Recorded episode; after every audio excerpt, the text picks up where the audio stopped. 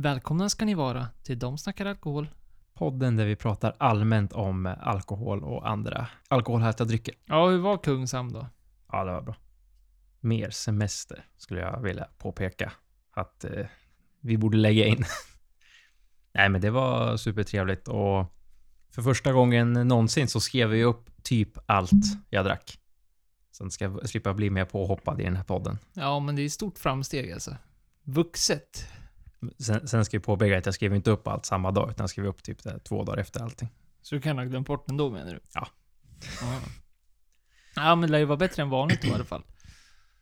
Jo då, absolut. Vi körde ju, om man ska köra en snabb eh, repeat bara. Vi åkte, eller jag åkte på tisdagen och då kom vi dit och så då körde vi en liten, säger man, en liten räkplatå. Vi käkade lite räkor och då drack vi en eh, klassisk moët. Och sen så körde kvällen på. Vi tog en eh, Riesling, en Stoneley Riesling 2021. Och sen grillade vi på kvällen och då hade vi en Rioja Grand Reserva från 2015. Och sen drack vi lite whisky, Ja, du såklart. får ju berätta de var. Var, de bra eller? Var, Ja, men jag väl igenom alla de här. Det här var ju samma dag. Ja, men jag menar det. Det här är, nu får du ju, får du komma med betyg här. Var det bra eller var det eh? Jag tyckte allt var bra.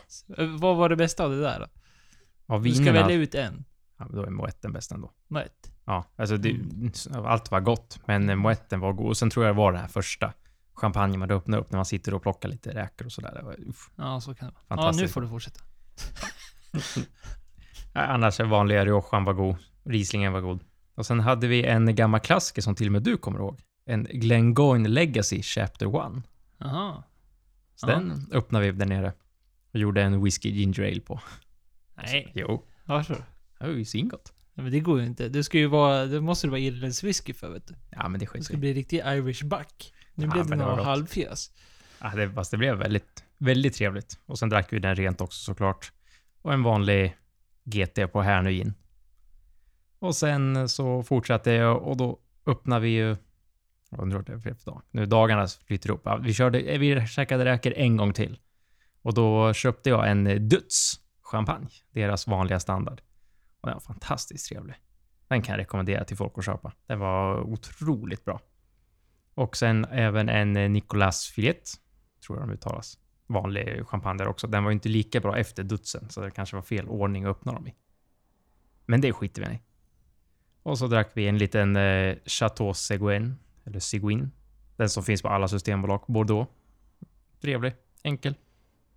Och sen nu kommer ju det alla väntar på, alla öl man drack. När man ändå var där nere. Mhm. Men va- Mm. Provade ju Smögenbryggan. Deras eh, egen, ja, egna öl som de gör där nere. Så jag tycker den är trevlig. Jag vet inte om du har druckit den någon gång? Ingen aning. Är Vanlig, vanlig lager, fast lite bättre. Och sen drack ju även eh, Göteborgs västkust, har jag för mig den hette. Det var också deras, men den var lite tråkig. Den var lite... Eh. Ingen, dålig, men ing, inget speciellt. Och sen en Grebbestas Ale och en Strömstads IPA, som båda var väldigt trevliga. Och sen så drack vi även ett gäng, för de som följer oss på Instagram och så, kunde se att vi drack lite Beersmiths. De, vi drack ju även Sunny Bunny som vi haft med i podden som förslag. Mm, hur var den då? Den var super- Etiketten. Etiketten var ju kunglig. Ja, det är riktigt bra 10 av etikett, 10. Alltså. Ja, det får de. Det ska de ha. Smaken då? Smak, ja, det var väldigt trevlig. Annars jag tycker vi drack ju Bock to the Future. Den var faktiskt snäppet bättre. Och sen drack vi en suröl som också var ja, trevlig. Inte så mycket för suröl, suröl egentligen. Nej. Och sista dagen då körde vi en eh, Mackmyra-provning. För Mackmyra har ju ett av deras satellitlager i Smögen. Där man kan eh, förvara sina privata fat. Och eh, så vi gick en kort rundtur där i Smögen för att sen åka över till eh, tant Anton i Kungshamn för att köra Mackmyra-provning. Vi fick prova några olika reserve-fat. En, varav en var en som de har blandat ihop som de ska släppa i framtiden. Som inte är en reserve utan en vanlig, ja, som kommer bli ett Mackmyra-släpp. Och sen en eh, gin som var lagrad på Amarone-fat. Mm. Alltså, Mackmyras reserve är ju väldigt bra. Det har vi ju sagt när vi har provat både på mässor och när vi provade din fars. Mm. Ja, men de är, håller riktigt hög nivå. Faktiskt. Det var lite roligt att eh, vi satt ju jag, min bror och min far och provade och vi tyckte ju ungefär likadant. Men roligt den de hade för oss, som var så ni är bland de första att prova den här, så här kommer en framtida Mackmyra smaka. Den fick sämst poäng. Mhm. Mer privatvat. Mindre Mm. vanligt. Ja, men det blir ju någonting speciellt. De, och de gör väl bra och det är väl... Det är väl samtidigt att man, man kan väl inte snåla heller där från destilleriets håll menar jag. Och då snåla menar jag inte att man medvetet gör någonting dåligt. Men det blir väl bra tunnor och själva processen i sig blir väl bra och kanske lite mer under uppvaktning för varje, varje tunna vaktas ju av någon eller några som äger det. Så att man kan ju tänka sig att per automatik att nivån höjer sig lite granna. Kanske än vad en massproducerad whisky gör. Absolut.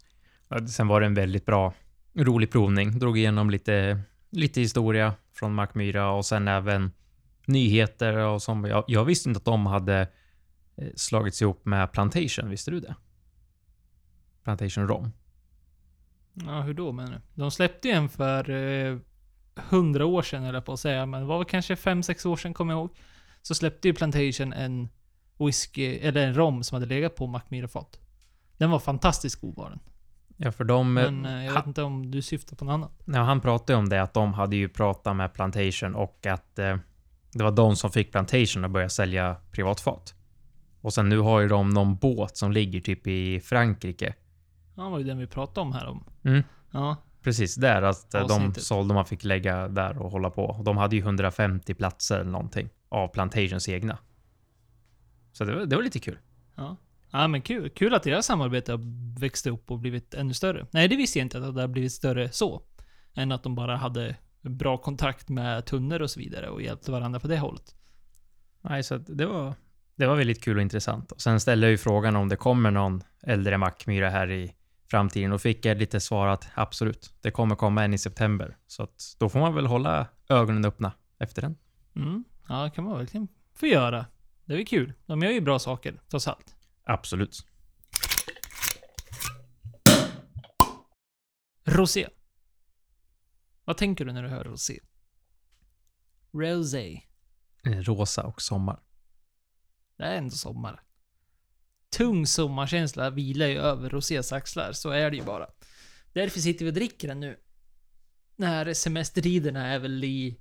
Ja, men det, det finns väl säkert några där ute som har lite ångest och grejer nu. Det är väl ändå...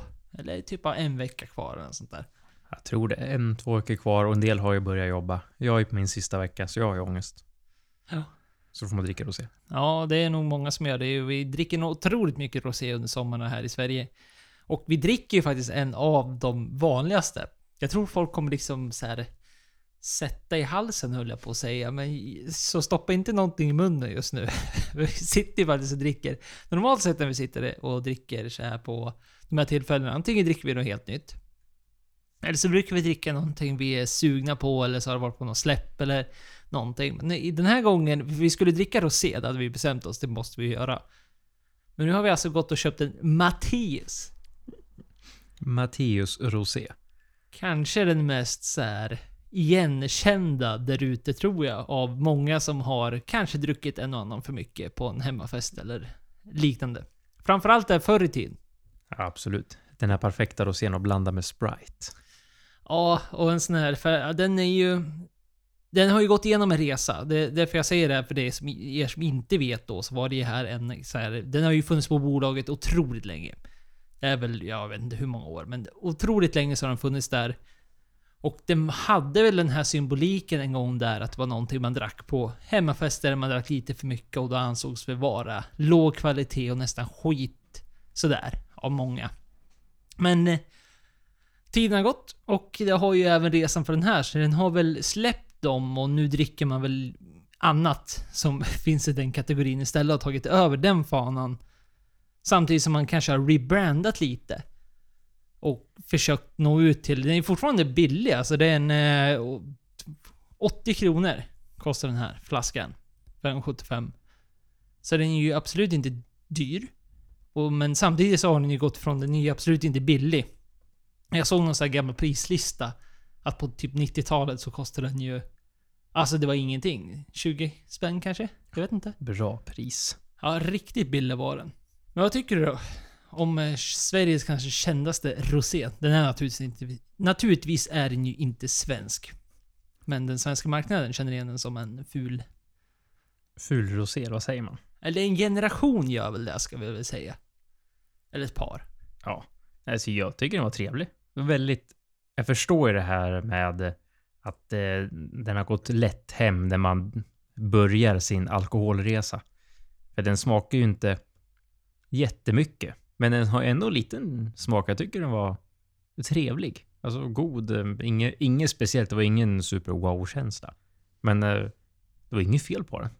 Nej, absolut inte. Nu vet ju jag inte hur, hur den står sig mot det gamla, när den levde i det livet så att säga. Och den hade den, den historien över sig som, som hemmafestens mittpunkt där någonstans. Eller toalettens. Men det, det har jag ingen aning om. Men jag håller med dig. Den, den är liksom lättdrucken. Och den talar ju som ett, ett bra vin ska väl göra någonstans. Att det, det sticker inte ut både hit eller dit. Alltså det är en bra konsumerar...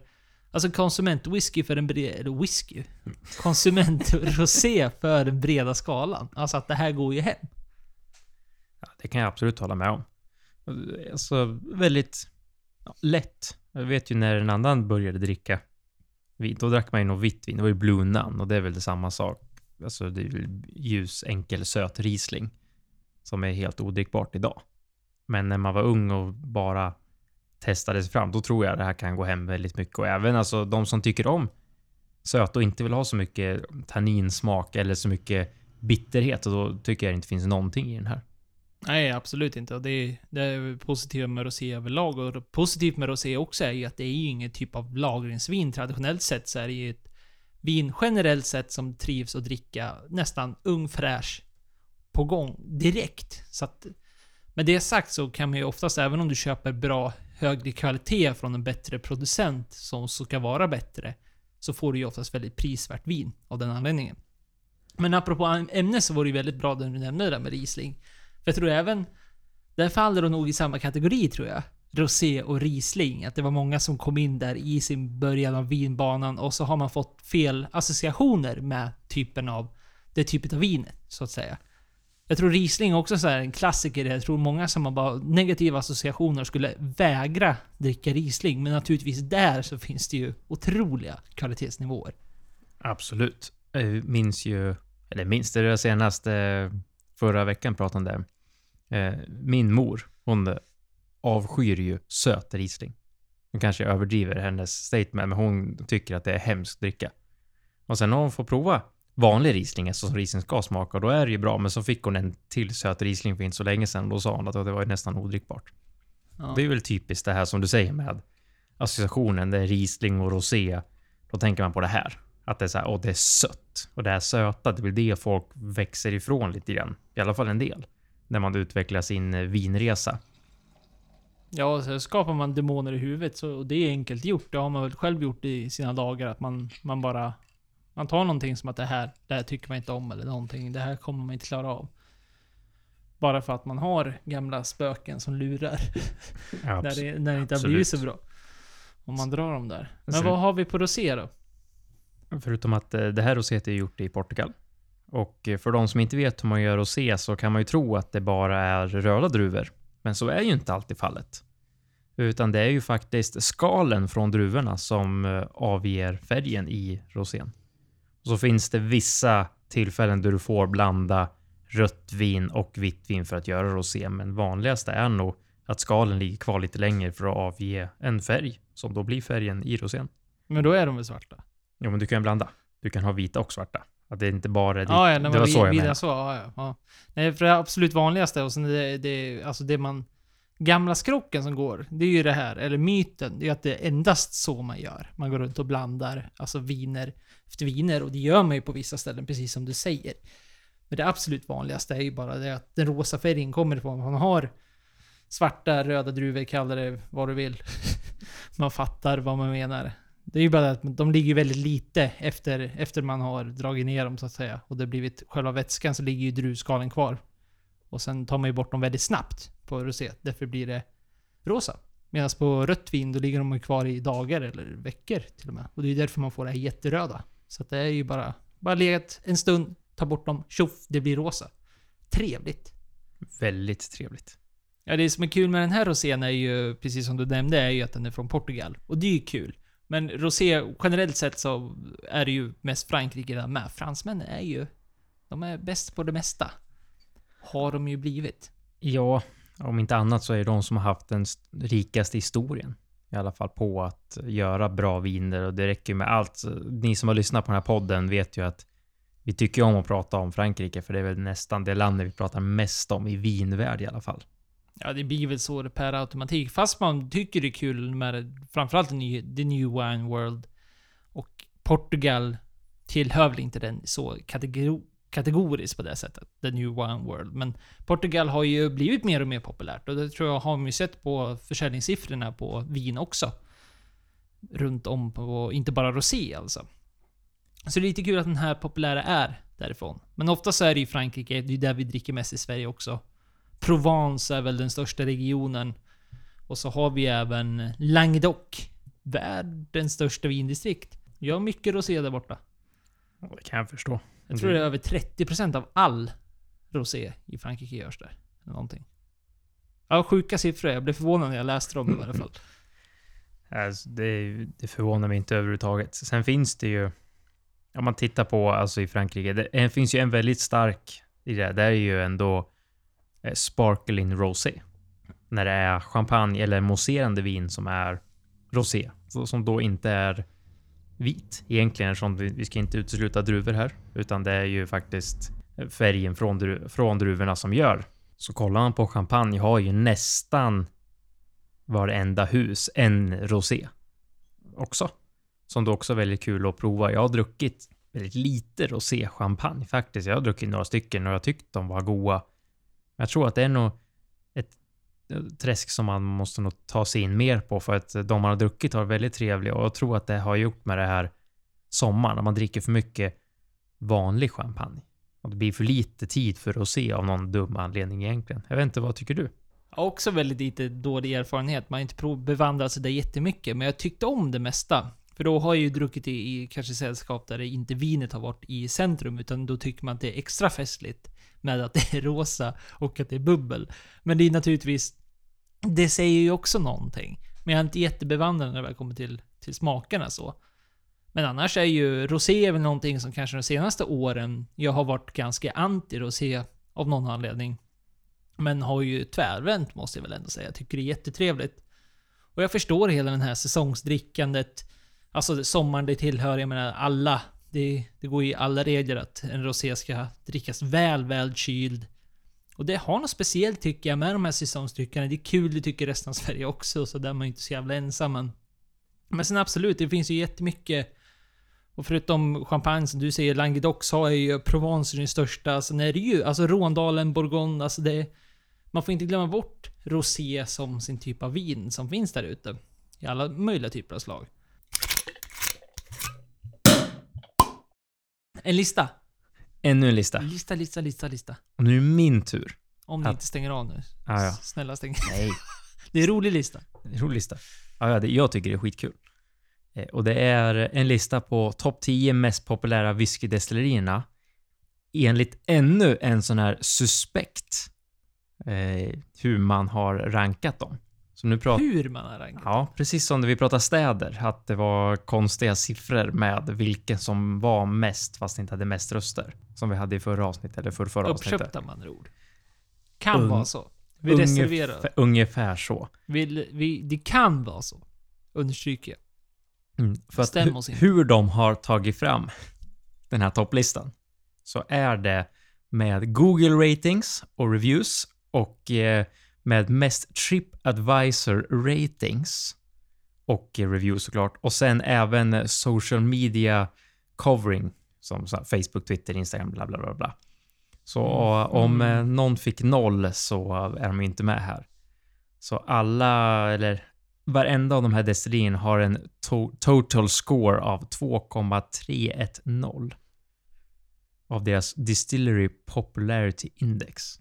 Okej. Så ni hör ju redan här att det är ju rena skitsiffror direkt. Men vi, vi kör lite kul. Vi kör inte hela topp 10 för det tar så lång tid.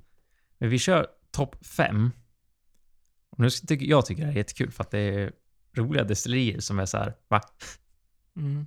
Så nu ska Marcus få gissa vilken topp 5. Vilken är nummer 5? Ja, för det ska ju sägas, jag har alltså inte sett den här listan. Nej. Och jag fick inte höra definitionen först nu. Nej. Så jag har inte haft någonting Och sen, sen glömde jag säga att det är Skottland, Irland, England och Wales. Jaha, att Walesen är med. Då, då, alltså, då är redan där så börjar man ju fatta vilken nivå vi pratar här.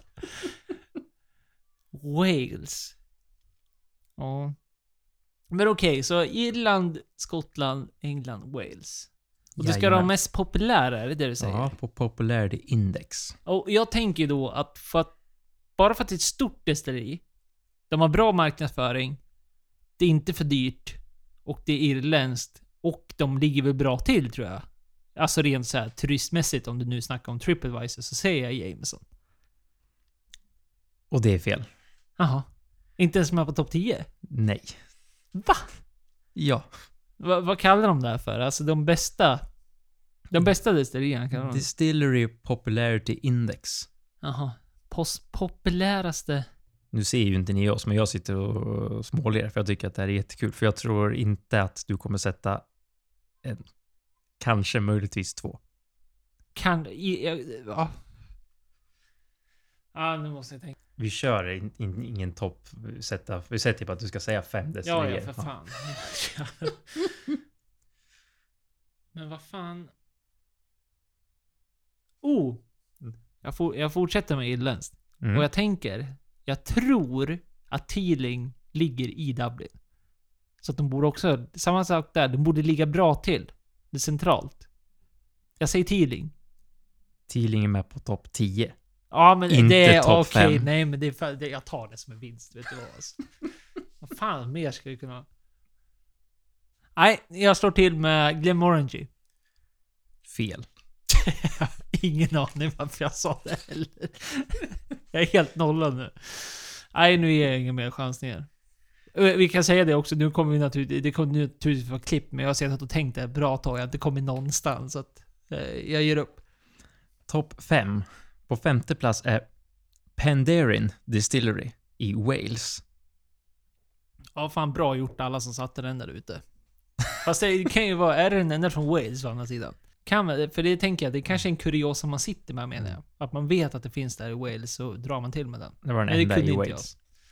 Ja. Och på fjärde plats kommer Bruichladi Distillery. Jaha, varför då? Ja, det vet jag inte. Ja, populära index. I ja, kanske. Det är ju whisky och gin. De har ginen som har alla ginfantaster som åker dit och Ja, bara det här är bra det. grejer. Kanske det. Och på tredje plats kommer Isle of Rasay. Som ligger då på en ö, om jag inte minns fel. Ja. Och på andra plats kommer Kilhoman Distillery, också på Islay. Fan vilka otippade Ayla... Och nummer ett är Costwalls Distillery i England. Jaha. Ja. Ja, ja, men alltså jag, jag ser inte det på något negativt sätt, men jag ser ändå, jag ser, jag ser grejen. Den kanske jag borde ha chansat på, vet du vad? Den där, den där borde jag fan ha haft alltså. Vilken av dem? Coswolf. Ja, den engelska. Ja. Ja, jag, jag tror den skulle jag faktiskt ha suttit. Alltså av ren logik där med Tripadvisor. Det ska vara populärt. Ja. För det, det jag ha. hade kunnat sagt, som jag hade kunnat gjort som så här, här är en ledtråd, men jag tror inte du har satt det på ändå. Det är ju så här, tänk ultranördar och nya destillerier. Nej, inte ens då. Alltså, Nej. alltså jag tänkte inte ens Ayla i överhuvudtaget. Jag tänkte popularitet och då tänkte jag direkt, okej, det här kommer vara nära en större stad. Det var därför jag tänkte nära Glasgow, nära Edinburgh, nära så. För det är ju många här, Samma man, sak tänkte jag med... om man räknar bort en del, så är det ju många som har öppnat här liksom inom 2010-talet. Teeling har, gör ju släpper ju äldre whisky, men de var ju öppnat destilleri 2015. Så det är Holyrood Distillery, som eh, tror inte ens jag har öppnat än. Liksom det är så nytt. Alltså de har inte släppt någon whisky. Så det är Arbiki, som jag aldrig har hört talas om, som öppnades 2015. Och sen Spirits of Yorkshire, eller Yorkshire, i England, som öppnade 2017. Så alltså det är ju, och sen Missil, Mikil Distillery från Republic of Ireland som jag aldrig har sett. Ja. Det är ju för mycket hipsters Nej, på alltså jag, tar, jag tar min Teeling faktiskt. Jag ser det som en vinst i den här listan. Jag förstår vad du menar. Det var ju en väldigt spännande lista. Men samtidigt så är det väl... Det, det är samtidigt en rolig lista. För även om listan ja, som entusiast kan man hålla med eller inte och så vidare. Men det visar väl ändå... någon typ av marknadsföring. De gör ju naturligtvis någonting rätt, menar jag. Bruchladig, det är det jag tänkte att okej, okay, hade man dragit till ordentligt, för man tittar på deras marknadsföring och tittar vad de försöker göra, så drar de ju åt en yngre publik. Vilket jag tror är ganska ovanligt. Alltså, man, man drar sig ifrån det här med traditioner och så vidare och man försöker liksom hypa upp det lite, hipstra till det lite grann för att det ska sticka ut. På alla möjliga typer av sätt. Det är inte bara... Det är bara sättet man väljer att lägga fram sin whisky snarare än whiskyn i sig. Så att visst, den köper jag. Men Kirchhomen, den, den var otippad faktiskt. Fast det är ändå ett farm distillery. Om man tänker att det är trevligt. Också hyfsat nyöppnat. Så att det är ju säkert många som tycker att det är trevligt att åka dit. Sen av det jag har sett och hört så tycker många att Kilhoman är ett av de trevliga destillerierna att åka till. För det är ju liksom lite mindre, det är inte storindustriellt. Men ja, den var, den, det var ingen lätt lista jag gav det här, men det var väl lite lika lätt som att gissa städer som populärt att dricka öl i. Spara pengar kan du göra nu. Ifall du har en Burgundy. Borgon. Och det är ju att deras premiumprodukter har eh, fallit i pris. Och eh, med det sagt så är det ju inte så att de har blivit billiga, att nu snackar vi halva priset.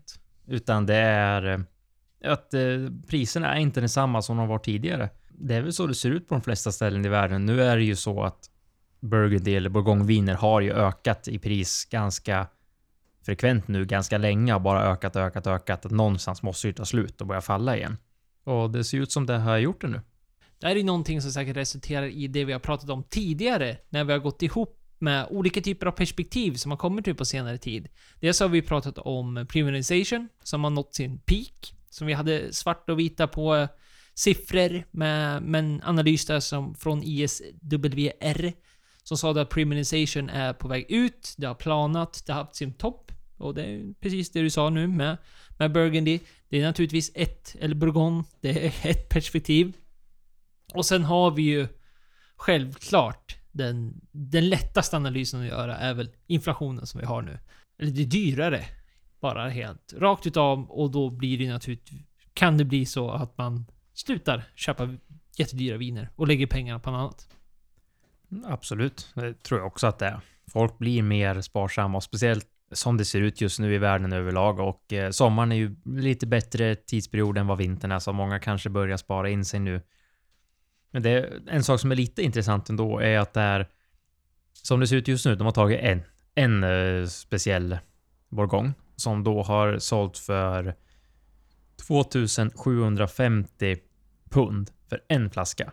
Men Hela lådan med sex flaskor har sålt för 24 000 pund, vilket eh, ger att den kostar 4 000 kronor flaska eller 4 000 pund per flaska. Eh, vilket då visar ju att folk är mer villiga att betala för en hel låda. Det blir ju också den här premium att du får lådan. Det står ju namnet på huset och allting på och du får sex flaskor. Men ändå att folk är mer villiga på att köpa lådan. Eller är det det att de här som har pengar köper lådan och de som förr kanske bara vill köpa en flaska eller två flaskor för att prova, då inte vill lägga de pengarna längre. Ja, jag tror snarare på den faktiskt. Att du får den här eh, samlaren, entusiasten, han går in och köper den där sex, eller hon, köper sexlådan bara för sakens skull, precis som du sa. Och även för investeringssak. Alltså jag tror det är... Det säger ju mer om du har en hel... Ja men jag har en sexlåda med, med, med det här vinet liksom. Det låter väl bättre. Men jag tror absolut det som du var inne på också, att det är den här kanske mer normala in quotes, konsumenten har nu börjat titta på annat. Och det kan ju vara så av den, de perspektiv vi drog nu. Men också ett perspektiv som vi har dragit in, som man skulle kunna dra in i den här också, är ju det här med hur större marknader börjar bli med viner. Alltså att the new wine world, det börjar bli mer och mer folk som får insyn av det. Dels för att det börjar bli mer populärt, man börjar prata om det mer. Men naturligtvis så handlar det ju snarare om att kvaliteten har blivit bättre. Så att de är vissa druvor, vissa regioner är med och fightar om riktigt, riktigt bra viner för en billigare peng. Dessutom. Det kan säkert stämma. Och det, det är ju bara bra egentligen. Jag, jag tror ju på att alla, alla marknader behöver konkurrens. Är man helt själv på den här marknaden. Då, liksom, då kan du sätta vad, vilket pris du vill. Du kan släppa vilket skit som helst. Om du inte bryr dig då, vill säga. Alltså bryr man sig om sin produkt så kommer jag alltid göra det bästa man kan. Och det är ju många i vinvärlden som såklart gör så. Men eh, ja, det kan nog vara lite som du säger. Och just det här, att samlaren, de köper en låda, de köper inte en, utan de köper en eller två, tre, fyra lådor för att lägga på. Och de har redan pengar. De har, det det är det enda de lägger pengar ja, ja, på. de, de lägger ju in det där i någon vinkällare bland sina 4000 flaskor och glömmer bort dem. Absolut. Det skulle jag också tro. Lite så. Vilket då gör att eh, de här som köper en flaska kanske hellre lägger de här pengarna på, som du säger, kanske ett eh, New World Wine. För att det får tag kanske i två flaskor för samma peng som kanske är motsvarigheten lika bra som den här flaskan. Som då kostar ja, 2750 pund. Tyngsta nyheten på länge för oss whiskyentusiaster, må man väl ändå säga. Kommer naturligtvis några dagar efter, någon dag efter vi spelade in förra avsnittet, så vi kommer ju sent på den här bollen, men sånt är livet. Ja, lite så är det ju. Men eh, det är ju semester. Folk håller inte koll på sociala medier och nyheter, så att eh, förhoppningsvis kanske är det någon som inte har hört den här nyheten och vi blir först på bollen. Ja. Ja, men det är sorglig nyhet. Du får säga den, jag orkar inte ens. Och det är att Gordon MacPhail, som då är eh, Skottlands äldsta independent bottler, kommer sluta fylla på nya tunnor eh, från och med 2024. Vilket då innebär att eh, inom, eh, ja, nu ska vi inte till någon snar framtid, men det blir ju i alla fall inom en till två decennier så kommer det inte finnas någon ung Gordon McFail att köpa alls längre. Mm. Och det är ju... Ja, jag tror är man whiskyentusiast så har man ju koll, men för er som inte är det så är Gordon McFail är ju då en independent bottler, Skottlands äldsta, precis som du sa. Och de har ju alltid stått för en så otroligt hög kvalitet. Så om man då tänker, om du inte är med i whisky-snacket så, så Independent bottlers är några som köper in tunnor från destillerier och lagrar själva i sina egna varuhus. Ibland kan det vara så att de glider in, köper en tunna direkt utav dem, buteljerar upp den och så vidare. Man är med där. Men nu har ju Gordon McPhail, varav det här att det kommer ta decennier, har ju, står ju för sina tunnor de köper in från andra destillerier och buteljerar själva. Och eh, som du sa, med att eh, kvaliteten är ju hög. Eh, jag tror jag har tre Gordon McFails hemma bara. Man har ju druckit ett gäng, flera och sen de har ju så många olika serier. Alltså, även fast en independent bottling, tänker man, de släpper ju en, men de har ju sin vanliga, nu kommer jag inte ihåg vad den heter, men de har ju Consular Choice. Och så har de ju Cask Strength Edition och så har de ju Private Seller Edition, så har de deras Ultra Premium som kostar en förmögenhet. Men för att de har en sånt, sånt stort lager. De var ju faktiskt en av de som släppte en av de eh, äldsta whiskyna här. Det var väl eh, Glenlivet 80-åriga, eller var den 81 år? Det var ju Gordon MacPhail som släppte den whiskyn för att de hade den på lager. De har så gammal whisky ligger. Så det är naturligtvis tungt för en whisky att höra det här och då kanske det är... Visst, det är i och för sig för att, jag menar... Independent Botter någonstans i baktanken är, har ju alltid varit det här drink, drinkentusiastiska. Alltså det är whiskys de har köpt in för att erbjuda någonting som destillerier inte har kunnat gjort historiskt sett. Man kommer med något nytt, oftast med stark, stark eh, fatstyrka. Och det ska vara hög kvalitet och de gör inget halvdant, vilket nu de skriver, sagt då från The Whiskey Advocate i deras artikel, så är det här då en av anledningarna till varför de har valt att lägga ner då. Är ju att de beskriver just det, att det var... För inte jättelänge sen så var whiskyindustrin så att du inte kunde få ett, en viss typ av whisky från en destilleri på ett annat sätt. Så att deras mål var att man skulle erbjuda något annat. Kanske då som fatstyrka eller någon typ av speciell uttryck överlag så. Men idag så är ju det... Men det är ju vanligt. Alltså varenda destilleri har någon standardbuteljering på fatstyrka nästan. Man kör roliga, nya, experimentella fat och så vidare. Så att det... Det är klart, det, det har försvunnit lite i marknaden, så man förstår ju det argumentet, absolut. Nu när Gordon McFail också äger två destillerier. Ett av dem är ju ett äldre destilleri som är Ben Robach som de köpte här på 90-talet. Tåls att säga släpper väldigt bra whisky Tycker jag i alla fall. De jag har smakat nu på senare år och även de tidigare har varit ja, bra kvalitet. Så att det, det är ingen dålig whisky de släpper och det är natural color och eh, non-chill filtrated. Och det är det som alla whiskynördar vill ha. Och sen har de ju även ett till desri de Carin. Kan man uttala så. Man vet ju aldrig med skottarna. De kan ju säga hur de vill. Som de öppnade då förra året. Men de har ju sagt att de kommer inte släppa någonting förrän eh, 2034. Eh, när de har en 12-årig. Och det är klart, Gordon MacPhail har ju pengarna, tiden, att kunna vänta på det här jämfört med andra nya destillerier som behöver få ut sin whisky så fort som möjligt för att tjäna pengar så kan ju Gordon MacPhail fortsätta sälja sin ja, vanliga privatbuteljeringar som de har. Mm. Nej, så är det ju. Cairn kan väl... Se, som Glenn Cairn fast utan Glenn Cairn. Ja, lite så. Cairn bara.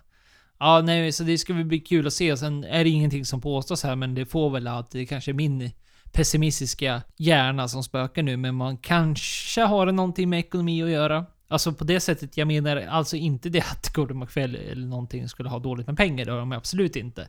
Men jag tänker att det finns ju en marknad på grund av det här, som man i och för sig då säger, att destillerier själva kommer ut med sina core ranges nästan, eller limited edition och allt vad det är, med speciella fat. Att det här för att vara independent bottle idag, det måste vara jättesvårt att hitta de här kanontunnorna till ett jag menar rimligt pris kan jag tänka mig. För nu vill väl alla destillerier behålla dem själva och släpper hellre själva en limited edition med det här istället för att ge ut det till independent bottlers. Så jag kan tänka mig att det fanns en gång i tiden fanns det säkert att Ja men visst, köp den här tunnan för ja men fatstyrka. Absolut, och så gjorde Gordon MacPhail det kunde sälja det för hyfsat bra pris i varje fall, inte ta alldeles för mycket. Men ja, tiderna förändras. Det är återigen, det här är min egna ihopsnittrade teori. Men det är klart det kan vara en mättad marknad där ute som blir svår att slå hål i. Och gör en sån gigant som Gordon McFail det, då får ju mig ännu mer att tro att de skulle aldrig ha släppt det här om de inte var helt säkra på att framtiden ser ljusare ut. Så därför tror jag att man lämnar den marknaden just nu kommer fortsätta med sitt lagerhus, precis som du säger, i flera år. Men samtidigt då möter man med sin egna whisky som de i längden säkert kommer gå bättre rent finansiellt. Tror jag. Lite så tror jag också. Sen är det ju det här som också man har fått lite spekulerat för det här. Jag tror ju att Gordon McFell även äger en del tunnor som de åker till destillerin och fyller med deras sprit. Att de liksom inte bara köper tunnor direkt från destilleriet, utan de har egna tunnor som fylls med destillerispriten. Vilket också gör att då köper de in egna tunnor som, som fortfarande har blivit dyrare, så det är fortfarande ingenting som är så här. oj vad billigt det är. Så får de betala för råspriten. Om man tar det här med köpande av tunnor så tror jag fortfarande går i den här rangordningen med vad, vilken status har du? Och de nämner ju några i det här Whiskey Advocate, eh, till exempel Hunter Lane och Adelphi, som då är också väldigt stora independent bottler. Och det är väl de som har första tjing på tunnorna. Vill ett destilleri släppa några tunnor så har ju Gordon MacPhail och Adelphi de säkert första tjing på tunnorna och vill de inte ha det så går det vidare i nästa trappsteg. Så i alla fall jag fått det förstått för mig att du som skulle du och jag vilja köpa en tunna kommer inte vi få gå in på vilket destilleri vi vill och välja vilken tunna vi vill. Jag tror inte. Va? We have a podcast. We have want this one. Du snackar alkohol. Nej, så att eh, på så sätt så är det ju säkert också den marknaden. De vill, destillerierna vill inte släppa sina bästa tunnor och bästa sprit. Vilket gör att då blir det de har eh, sagt nej till får independent bottler köpa. Och så vidare. Och så går det bara neråt och neråt i rang och då... Sen är det väl som säger. De tjänar 100% av alla pengar på deras egna märken Ben Robach och den här The Så att... Eh, ja, det, det, är fortfarande en riktigt stor och ganska tråkig nyhet. För, ja, jag tror aldrig jag har blivit besviken på en Gordon McFail bottling faktiskt. Nej, verkligen inte. De har alltid stått för en otroligt hög nivå och kommer väl fortsätta göra det, säkerligen. Men det var absolut få nästan, ja, men man får ta med sig det nu i framtiden då. Att eh, de har nu gått ut med och sagt att det kommer inte göra någonting, men det kommer naturligtvis inte sluta att det kommer sluta finnas på hyllorna. Det kommer det finnas. Men ha då i baktanke att det kommer finnas ett investeringsvärde nu. Gordon McFail som alltid har varit för att de har stått för kvaliteten.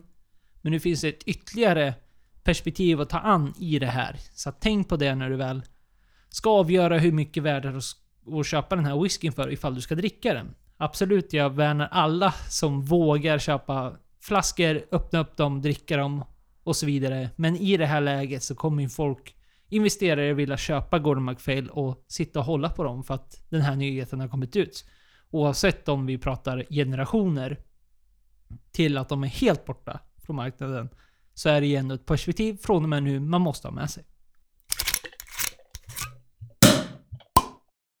Och nu kommer vi med en återigen rolig, rolig nyhet, kallar jag det för. Jag måste faktiskt hålla med. Det här är en rolig nyhet. Om tanke på de nyheter vi drog innan, den var rätt tråkig. Ja, den var tråkig. Men nu, nu har vi kanske lite bättre för dig som vill ha någonting. Åh, jag brukar köpa dyra hudkrämer. Det kanske är dyra lotions, det är samma sak. Jag vet inte. Det, det är det väl kanske. Typ. Ty, typ samma sak. Så nu kan du även dricka vin. Har man kommit fram till. Men, viktigt att understryka här, att det är alkoholfri vin. Men, oavsett så har man då tagit en studie där man har provat och slagit ihop några kvinnor i, ja men övre medelåldern får man väl ändå säga, mellan 40 till 67. Och så har de gett dem eh, två typer av glas med vin, en placebo och en av de här eh, alkoholfria vinerna då av eh, muskadindruvan. Och grejen med det här då är att de har provat druckit den här under flera, flertal veckor. Sex veckor för att vara exakt. Och då har de då kommit fram till att den alkoholfria muskadinvinet har då gjort att deras skinn har blivit mer elastiskt och mer fuktigt på något sätt. Det är väl lite det här, ja, på något sätt.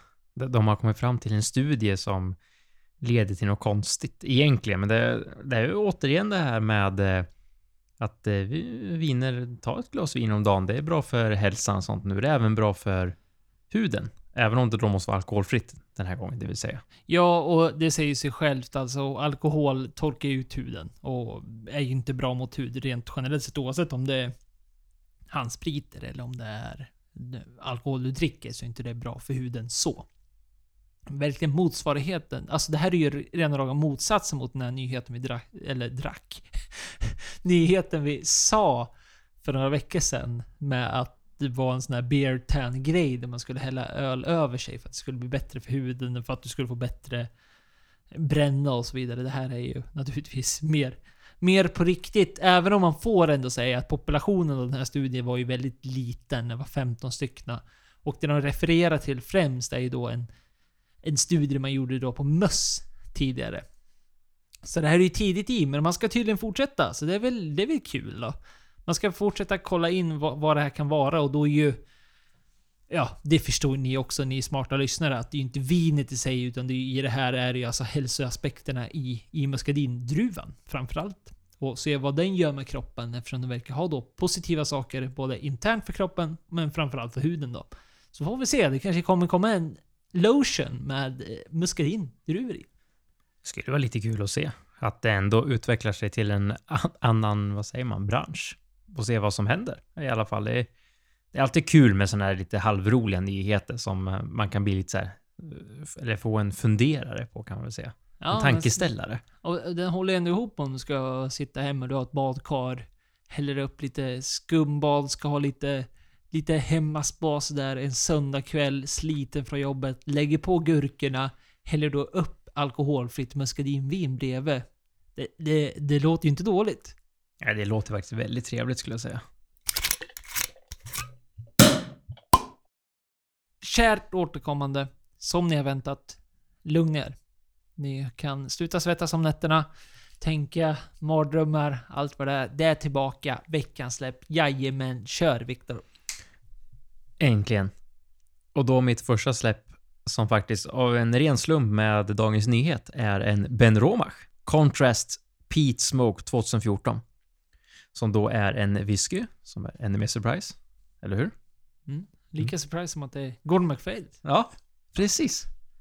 Eh, och den kommer släppas eh, den 11 i åttonde.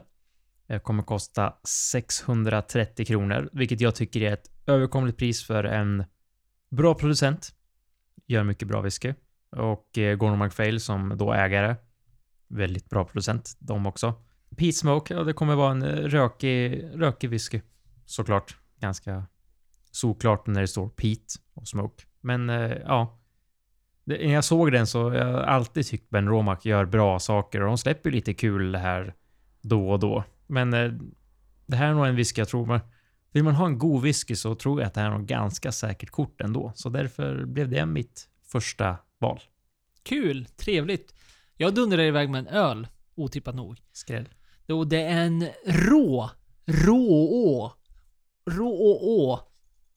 Det är ett eh, hantverksbryggeri från Helsingborg som jag inte kan läsa så jättemycket för om deras hemsida är under konstruktion. Så det var ju synd, men jag gick in på deras Instagram och där de faktiskt redan har lagt ut den här ölen. Som släpps då den 7 åttonde och då beskriver de som att det ska vara, det är en bitter, den heter Bitter Pale Ale, rå Bitter Pale Ale. Trevligt. Det står bara bitter, skitstort. Alltså rå är ju då hantverksbryggeriet. Jag kommer inte ihåg om jag sa det ens, men ja, så är det. Kostar 30 kronor plus pant. Och det är en halv liters på 5%. Så väldigt trevligt. Och de skriver där i sitt Instagram-inlägg att det är en, någonting som saknas på den svenska marknaden där ute. Jag håller helt med. Bitter är ju en av mina favoritinslag i öl rent generellt sett, så att jag kan bara tänka mig att det kommer nog verkligen gilla den här. Så att, ja, se fram emot den. De är ekologiska också. Sa jag det också? Fan, nu tittar jag på det här och kommer inte ihåg vad jag säger. Ja, det, jag tror inte det. jag, jag försöker stressa fram det här momentet. så det går sådär tydligen för att jag inte vet vad jag säger då helt plötsligt. Men de kör bara ekologiskt i rå också. Vilket, stor eloge naturligtvis. Bitter Pale Ale från Helsingborg. Vad kostar den då? 30 kronor plus pant. Fint, fint. Halvliters. Det kan inte bli bättre. Säljstart 7 åttonde. Jajamän. Och min andra har också säljstart 7 8 och är också en öl. Lite dyrare. Kostar 43,90. Och det är ju en öl som jag drack ganska mycket av, eller det här märket, det var i Kungshamn. En Beersmiths Golden Glimmer.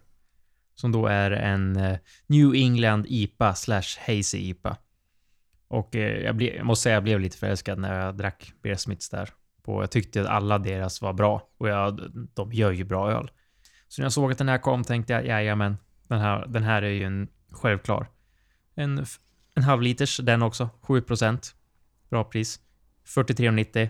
Kanske lite dyrt, men eh, det är bra öl. Du får, du får bra öl för pengarna, garanterat. Så det är mitt andra släpp. Plus en krona panto, såklart. Eh, säljstart sjunde i åttonde. Mm, trevligt, trevligt. Jag dundrar till med min avslutande med en whisky. Länge sedan jag hade whisky. Det känns som att varenda gång jag har en whisky så säger jag att var länge sedan jag har en whisky. Nu var det länge sedan vi hade, eller länge sedan, det var väl det var ett avsnitt sedan vi hade veckans släpp. Men jag drar till med Arran Single Malt Amarone Cask Finish. Ja, den, den kikade jag också på faktiskt. Otroligt. Och det här är väl kul rent entusiastmässigt. Arran gör fantastisk whisky. Alla uttryck jag har druckit. Ja, trevligt. Jag drack, i helgen drack jag en 18-årig Arran. Otroligt bra. De gör bara bra saker. Även deras nasare, Kortokasken, får du tag på den, köp den. Fruktig, stark, över 50%. Alltså, otrolig whisky. Tian, otrolig. Väldigt, väldigt mycket. Där har vi en bang for the buck. Vet du vad alltså? Ditt favorituttryck. Det får väl ändå... En Ja, tioårig absolut. Aaron slår ju mycket alltså. Tar man bort uttrycket så absolut. Ja, Superbra, köp den whiskyn. Och även den whiskyn de släppte för svenska marknaden. Eh, Cherry Pete. ja, Pete Cherry. den finns ju fortfarande ute på hyllorna har jag sett. Ja, Det fem- är- 579 kronor för den. Ja. Det är bara att köpa. Och otroligt destilleri. De är eftertrevliga flaskor ifall man vill vara estetisk och det är man ju. Det kan man inte komma ifrån. De säljer i 70 Den här är 50%. 670 spänn. Jättekul som en entusiast naturligtvis att det är bra destilleri och att det ligger Amarone. Ökar ju den här... ja, Amarone, jag tror ni alla vet det, men det är ju viner. Alltså... Ja men prestigeviner som smakar otroligt mycket. Italienska viner som är... Man tycker ju borde göra sig bra ändå i en vin. Just för att de är så... De är så... Det är så tunga smaker i en Amarone. Amarone är ju någonting som är säreget i sig för att det är ju en sån här vin som oftast rekommenderas man inte ska ens äta eller dricka till mat. För att det är så mycket smaker att du nästan... Vinet försvinner med maten, vilket är ju, ja, så här vin som då brukar drickas till mat, bla bla bla bla bla. Mer oster och så vidare. Så att det... Ja, ni hör ju själva. Jag är extas över denna. Jag tror det kan bli väldigt bra just för att det är Arran som gör den också, ska sägas. Jag har druckit Amarone Cask Finish förut. Inte blivit golvad. Hoppas jag blir det nu. På 50% 670 spänn. Säljs starten 11 i åttonde. Och då har vi invit rosé i podden. I alla fall, ja, vi som druckit den. Vi har ju pratat om rosé förut på, på släpp och så vidare. Vad får den för betyg då? Vilket betygssystem sätter vi? Ja, men eh, om vi tänker... Ja, vi- om, om vi går väldigt lätt nu då. Vi tänker en varm sommardag. Semester. Där solen strålar, vilket den inte gjort på ett tag, men vi låtsas det. Nu, nu låtsas vi. Strålade i Kungsan. Du har gått runt i din trädgård. Du är svettig. Du sätter dig efter en lång... Du har jobbat i kanske 50 minuter. Vilket är alldeles för länge för att vara semester. Du slår dig ner i din Baden-Baden. Och du slår upp en sån här iskall. Och det är 27 grader ute. Vad får du för betyg då? Får en eh, 7,5 av 10. Då, eh, ja. Ja. Den går i. Det, Ja, det den, den går i väldigt lätt, väldigt Mm. trevlig. 10 av 10, då pratar vi liksom ölsuget är på 100 om man liksom får öppna sin första kallöl eller typ man får en riktigt trevlig drink. Men då är det här liksom, det, det är inte riktigt en 8 men en 7,5 av 10.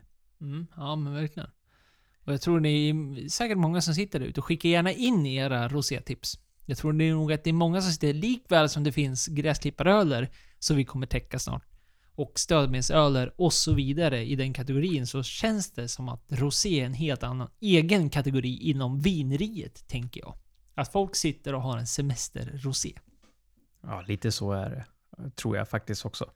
Nu kom jag på en väldigt dum sak här. Att eh, du nämnde ju här i, när vi pratade om vilka drycker vi har druckit. Eller vilka drycker när vi pratade om Aran. Och då sa du att du har druckit Aran 18. Då kom jag på att jag, vi tog inte upp vad du hade druckit i helgen. Nej, du var så insatt i din lista. Nej, men jag var så stolt över min lista att jag har skrivit ner vad jag har druckit. Nedskrivet. Så- vad starkt.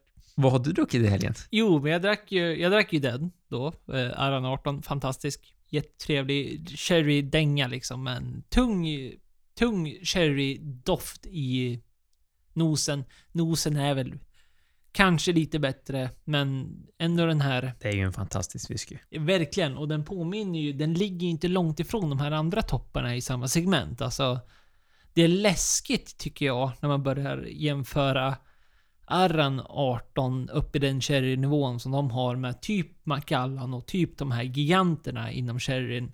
Alltså de, visst, jag skulle inte våga säga att det är lika bra, men de ligger ju inte långt efter alltså.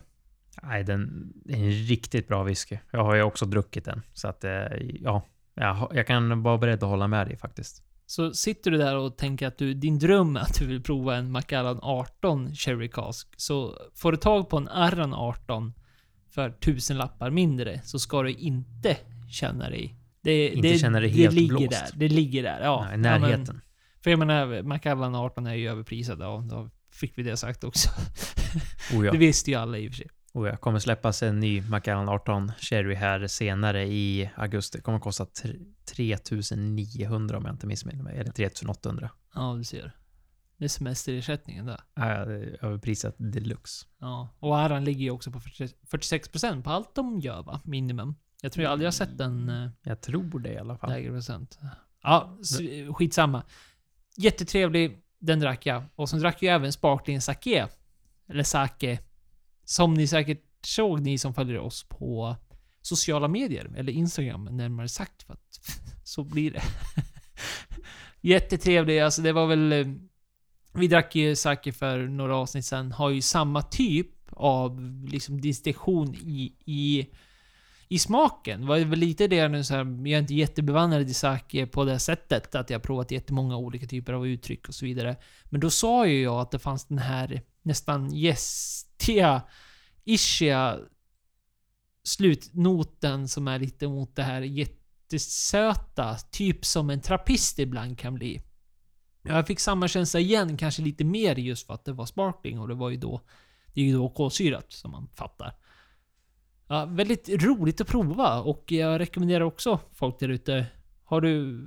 Kommer du över den så absolut. Kul att prova. Jag skulle väl inte säga att det går in i någon typ av favoritsegment. Men det är ju speciellt ändå. Och det har någonting. Och det är kul, bara som en entusiast att prova vad som finns där ute i marknaden. Sen drack jag även en Mackmyra, precis som du. Jag hade ju inte en fin tasting i Smögens lilla lager, naturligtvis. Men eh, jag provade att dricka en eh, res Reserve, vilket är då deras privatfat, som var en 15-årig. Otroligt trevlig. Hade legat på 200 liters fat, så att det är naturligtvis en annan form av det här som eh, den här 30 liters som vi som jag pratade om för några helger sedan som du och jag drack. Kul, gammal svensk whisky som var väldigt, väldigt bra. Det, det blir det här att till slut, alltså, det är kul också. Men värt att nämna är ju hur man ska dra den situationen, eller den diskussionen. Inte situationen, situationen finns ju där i och för sig. Men diskussionen bakom det här. Att svenska whiskys börjar komma upp i en sån ålder och en sån kvalitet så man måste börja ställa dem mot konkurrenterna. Alltså vad finns där ute? Och då hamnar vi ju hos skottarna. Oftast. Och då blir det helt plötsligt en helt annan diskussion. Det börjar ju bli så att svensk whisky inte lever upp... Alltså jag skulle inte säga lever upp till någon typ av kvalitet. Det är fortfarande väldigt hög kvalitet. Men svensk whisky har ju kunnat levt väldigt, väldigt länge på att det är svensk whisky. Förstår man vad, man, vad jag menar då? Ja, jag kan hålla med dig helt. I alla att fall. det, man, man, det har blivit en stämpel som man liksom, ja ah, men det, det, det är en svensk, svensk whisky. Svensk? Jag vet inte varför jag vill säga svensk varje tid. Nej men det är svensk whisky. Och folk försöker nästan, inte bortförklara en whiskys kvalitet på grund av att den är svensk. Utan snarare det att man har använt det som en, ja men den är svensk. Så jämför inte den mot något annat. Men nu när vi börjar komma upp i de här åldrarna och ändå en bra kvalitet så måste man ju börja göra det. Och då, det är kul, kul diskussion vi har framför oss. Att man kan ta det perspektivet helt enkelt. Det tycker jag absolut. Det ska bli kul att se när svenska destillerier generellt börjar släppa äldre whisky än 10 år. När de börjar bli 12, 15, 18 och 20 då. Och se när man väl får provsmaka dem och se vad som händer och hur de då kan jämföra sig med skottarna. Så det, det, är en, det är en rolig framtid att se fram emot. Och kömusiken. Det var Nu- det. Det var det. Och det blev ju inget ämne det här podden. Eller det här avsnittet. Nej, det blev så mycket nyheter. Vi hade som lurade som får väl eh, komma nästa vecka då. Absolut, det är bara att flytta fram det så funkar det för oss. Och eh, som vanligt så har ni några funderingar eller klagomål eller allmänna åsikter kan ni höra av er till oss på kontakt eller på vår Facebook eller Instagram med samma namn. Följ oss jättegärna på Instagram och eller Facebook. Där vi släpper ut lite eh, bilder på veckans släpp och så vidare och lite händelser om vad vi gör och så vidare. Och ni har ju blivit fler och fler som har lyssnat så att det vore ju kul om ni följer oss även där. Så med det sagt så hörs vi nästa vecka. Bye bye!